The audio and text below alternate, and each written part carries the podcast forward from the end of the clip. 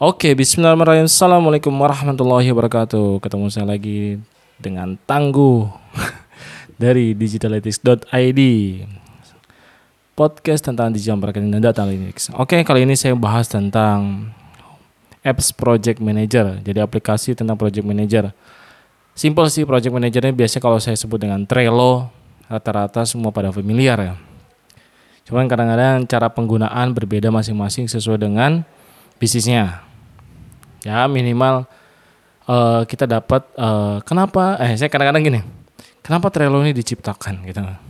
Kenapa uh, project manager ini diadakan diadakan dalam dalam arti kenapa uh, SaaS ini ya uh, tools ini uh, akhirnya dibikin gitu. Ternyata yang dari sebelumnya tak lihat itu menggunakan kertas gitu kan. Walaupun sekarang masih cuman biasanya eh, saya lebih suka dengan digital uh, vis, eh, udah udah paperless lah. Nah kenapa ini diciptakan? Yang tadi yang kertas dari kiri ke kanan kanan lagi kanan lagi. Ya makanya disebut dengan kanban ya. Metode ini dengan kanban itu geser kanan geser kanan akhirnya dan dari yang to do doing dan simply. Cuman tiga step ini aja dari to do doing dan kalau udah masuk ke ranah agil gitu ya agile. Apa agile lah manggilnya agile atau agile? Ya whatever lah ya. Bebas mau manggilnya sebut apa.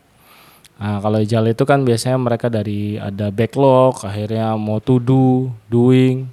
Habis itu ada yang harus dikonfirmasi. Akhirnya balik lagi doing lagi. Ya macam-macam.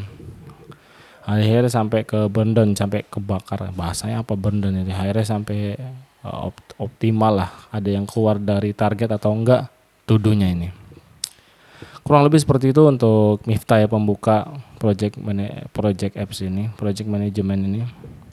Nah, itu fungsi basicnya awalnya. Jadi kita intinya sih hmm, apa fungsinya gitu ya? Perlukah enggak gitu? Dua pertanyaan ini, fungsinya apa? Perlu atau enggak? Basicnya karena saya nggak tahu semuanya apa yang dilakukan oleh tim. Hmm, dalam tanda kutip real ya saya nggak tahu tim itu ngelakuin apa seperti apa. Bahkan rinciannya perintilannya maka saya dengan project manajemen ini menjadi tahu. Hmm. jadi code-nya itu karena saya tidak tahu maka saya ingin tahu. Akhirnya saya menggunakan project management. Baik itu di level saya jarang sampai level sales ya. Sampai CS itu jarang menggunakan project management ini. Minimal saya hanya sampai level leader ya. Leader uh, manajer atau divisi-divisi lain antar divisi kita saling tahu atau khususnya yang bangun apps programmer nah, perlu banget. Nih saya lagi mau coba nerapin project management ini di advertiser. Jadi gimana caranya kanban tes dan lain-lain mungkin lebih lebih rapi kali ya. Sebelumnya hanya tes dan lain ukur dan result gitu. Cuma kita mau coba nih menggunakan project apps ini. Habis itu kita bisa melihat gambaran besar uh, dari pergerakan tim. Progress task by tasknya itu yang tadi disebut. Uh, jadi dia lagi ngelakuin apa. Bukan berarti kita menspy atau pengen tahu kepo gitu enggak. Kepo kan lebih negatif. Kalau ini lebih kita pengen bisa melihat progress performance tim kita. Nah jadi dia ini sebenarnya optimal nggak dengan do ini? Kita kasih misalkan 5 task hari ini selesai dengan cepat. 7 task 8 taks gitu kan 8 tuduh gitu. Oh ternyata dia cepat ngerjainnya. 9 tuduh wah kan luar biasa. Nah entah mulai tiba-tiba 9 tuduh kok dia lembur gitu kan. 9 tuduh kok dia tiba-tiba slow gitu satu tuduh kenapa nih? Nah itu kan kalau di tim-tim scrum jadi ada scrum master ya. Apalagi nih scrum master? Ya pokoknya orang yang master di dalam scrum. Jadi dia bisa melihat uh, pergerakan timnya ini ada kelambatan atau ada masalah atau enggak nanti di review gitu kan. Nah itu bisa dilihat dari project management ini. Jadi dia tuh ada masalah enggak? Oh tiba-tiba dia harus menyelesaikan misalkan poinnya satu uh, dia harus selesaikan dalam 15 menit atau 30 menit. Ternyata dia menyelesaikan lebih dari 30 menit. Nah ini kenapa nih? Ada masalah enggak? Nah itu Scrum Master atau yang mantau atau leader atau siapa pun lah itu bisa mengecek gitu. Harusnya di jam 9 selesai misalkan due date-nya ya harus selesai tanggal yang ditargetkan nyata tidak selesai atau jam 3 sore ternyata melewati kenapa ini nah sedangkan yang men-set itu adalah dia sendiri gitu kan bukan berarti uh, kita yang nyuruh-nyuruh eh kamu bikin ini, kamu bikin ini, nggak sepenuhnya seperti itu. Jadi dengan enaknya project management, oke, okay, bulan ini targetnya milestone-nya gitu kan. Nah, maksudnya kita mencapai sekian ribu sales. Kita breakdown bagaimana cara to do doing-nya per daily-nya menggunakan ini. Nah, jika daily ini kita terjadi, insya Allah target bulanan akan mendekati. Syukur-syukur kita menembus sampai sana ya. Nah, jadi kita ketahuan ya menjaga ritme tim dalam produktivitasnya. Kemudian kita dengan project management ini kalau yang tersedia ada aplikasi chat atau diskusi itu lebih enak. Komunikasinya jadi lebih fokus kepada suatu topik. Nah, jadi enak. Ini satu topik kita chat balas-balasan di situ. Jadi nggak tumpang tindih ya. Kalau di chat itu kan misalkan eh, kita grup komunikasi di grupnya itu menggunakan Telegram atau WhatsApp. Itu udah pasti ketindih kita lagi bahas topik uh, tentang sales nih atau chat ya. Kita bahas kita lagi mau bahas chat bagaimana mengclosingkan dengan cepat.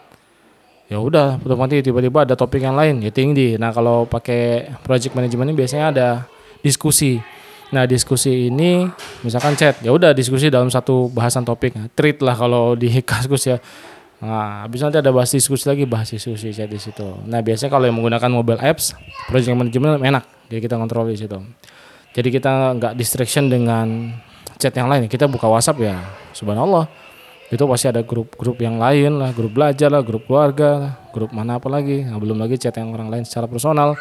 Apalagi Telegram ya, channel-channel yang lain. Nah, contoh seperti itu. Nah, sekarang adalah pertanyaannya bagaimana project management ini, tools ini bisa membantu bisnis kita. Nah, pertama adalah ada fitur checklist yang perlu teman-teman tahu. Jadi fitur checklist ini untuk yang baru bisa mulai dengan tipe checklist ini. Jadi nggak perlu ada Gantt chart dan Kanban lain-lain. Jadi nggak ada perlu geser kanan geser kiri. Intinya saya waktu menerapkan uh, metode ini ke tim yang baru bahkan yang awam ya, saya menggunakan metodenya ada checklist dan daily. Jadi misalkan sekarang tanggal 2 oke hari ini repetition taxnya apa gitu ya? Tax yang berulang ya. Misalkan harus cek cek uh, chatnya CS sudah betul atau belum di jam 10 ya checklist saja nggak usah dipindah-pindah dia checklist. Sudah. Berarti kalau sudah berarti nanti kita di akhir hari kita cek. Oh sudah tuh seperti apa? Sudahnya tuh di jam 10 atau lewat gitu. Kalau lewat di uh, historical jamnya berarti dia melakukan terlalu kelewatan atau lalai dan lain-lain ya contoh kayak gitu. Itu fitur fitur checklist ya simple. Kita kasih task awalnya dia cek cek cek selesai. Habis itu ada metode uh, metode style dengan kanban style dari kiri ke kanan yang tadi kita ceritain di awal ya. Atau ditambah dengan backlog atau ide lah atau doing dan yang tadi. Nah ini tipe-tipe yang sudah mulai timnya bisa uh, memilah mana yang project yang uh, utama atau urgent ya, gitu, atau yang biasa nah itu bisa dikasih tagging seperti itu jadi teman-teman akan mengerjakan sesuai dengan tagnya yang urgent atau easy dan lain-lain ya, sesuai dengan levelnya. Nah itu bisa menggunakan Kanban style. Nah, atau ada due gitu kan, mana dulu tanggal di short tanggal yang lebih lebih diutamakan tanggal, berarti ini diselesaikan dulu. Atau berdasarkan tadi level kesulitan atau urgent, urgensinya. Ada namanya fitur assign. Nah, assign ini luar biasa nih, uh, sangat powerful kita misalkan bekerja dengan tim. Misalkan kita mengerjakan project desain uh, desain misalkan apa ya landing page ya.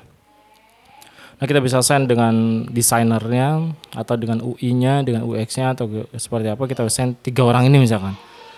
Nah progres ini setiap orang ini selesai satu persatu dia ngerjain apa checklist checklist. Jadi uh, ada flow ada alurnya saat tim ini selesai lanjut ke sini lanjut ke sini itu bisa seperti itu jadi kita bisa mention mereka. Nah itu otomatis dapat notif di dia. Ini sign ini luar biasa. Atau kita ada event atau dan lain-lain kita bisa sign orang-orang yang berkepentingan di sini. Kemudian kita bisa bikin event juga. Uh, kita bikin event project ini di sini atau kita bikin reminder. Uh, kita bisa mengingatkan ada reminder ini misalkan sudah uh, due date-nya tanggal 5 kita reminder di tanggal 4 set kita seperti itu. Jadi harus selesai nih. Halo, jangan lupa ya. Nah, contoh gitu. Nah, jadi kita nggak perlu woro-woro ayo besok ayo besok nggak kita bikin reminder aja dari task project jadi kita muncul notif di tim kita saya sangat sarankan kalau chat dengan tim jangan di grup chat saya sih sebenarnya masih ada cuman saya kurang nyaman bahkan kalau tim saya yang handling sendiri saya saya bikin chat di apps lain untuk untuk, project management sendiri Kemudian Gantt chart ini uh, kita bisa ngelihat task dan timeline yang di, dengan visualisasi. Jadi kita lihat ini yang ada yang bertabrakan enggak, flow-nya harus sesuai dengan tanggalnya ini selesai berarti ini selesai lanjut gitu kan. Kalau ini mundur berarti yang lainnya mundur. Ini contoh kayak gitu. Jadi dengan Gantt chart visualisasi ini lebih powerful. Beberapa project management diperuntukkan untuk tadi agile scrum, nah, agile, agile, nah, agile scrum ini lebih advance Uh, kadang dibarengi dengan sprint. Nah, beberapa case kira-kira bisa kalau disebut dengan desain sprint kalau yang sudah terbiasa dengan istilah ini. Sebagai informasi, sprint yang dimaksud itu bukan sprint olahraga ya. Ini lebih ke desain sprint. Nah, biasa anak-anak UX ini yang mengerjakan biasanya intervalnya ada yang 7, 14 atau lebih.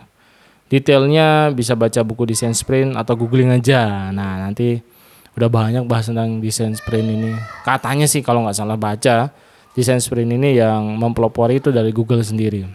Jadi setiap bikin produk tujuh hari breakdown bahas gitu. Ada ada ada tata caranya desain sprint terus ngapa ada timnya lah. Gak sekedar meeting biasa bukan. Emang ada tata caranya lah. Bisa ada protokolernya desain sprint ini. Kemudian kita bisa bikin isu tracker, misalkan ada masalah di support di chat atau di uh, ada bug gitu ya, kita bisa bikin isu tracker juga menggunakan ini.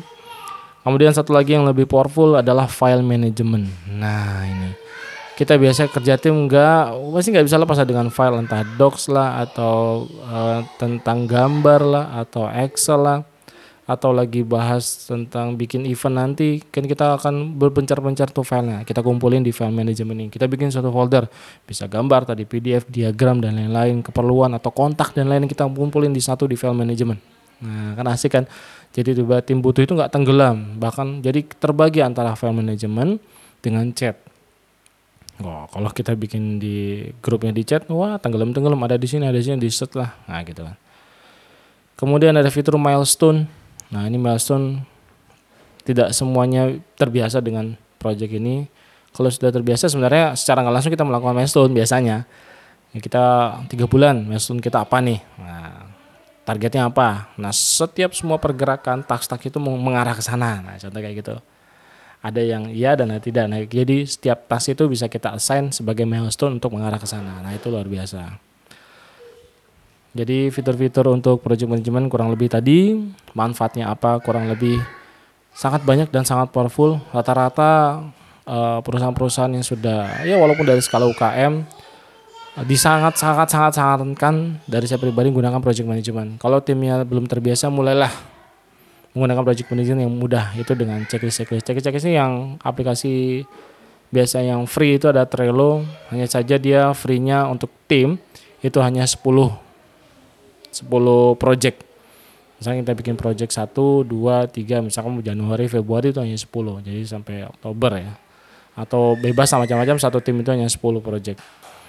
Dan uh, untuk metode checklist itu sudah sangat membantu dan banyak project manajemen yang lainnya. Basecamp lah atau Freecamp atau Ora atau apa ya advance ya uh, Jira gitu ya udah masang ke Scrum dan macam-macam banyak sekali Oke kurang lebih itu untuk project management. Sangat saya sarankan menggunakan project management walau timnya kecil ya 3 5 nanti terbiasa dengan komunikasi file management do that. Yang penting tuh do that dan kita bisa melihat. Karena rumusnya rulesnya adalah tadi awalnya. Karena saya tidak mengetahui apa-apa maka saya ingin tahu semuanya itu menggunakan project management. Oke itu aja. Terima kasih. Assalamualaikum warahmatullahi wabarakatuh